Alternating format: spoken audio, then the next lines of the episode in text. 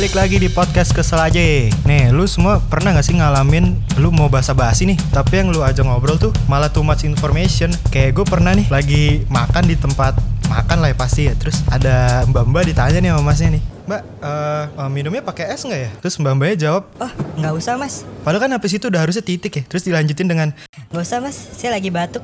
ya ngapain anjir? Sama nih gue pernah ngalamin sendiri nih. Gue mau eh, ada orang jual mobil, terus gue tanya nih, kenapa om dijual mobilnya? Dia cuma jawab harusnya bisa cuma jawab mau ganti mobil, selesai kan? Dia jawab dengan Iya saya mau ganti mobil eh, dengan tipe yang lebih baru, lebih mahal dan karena yang ini nggak enak ini.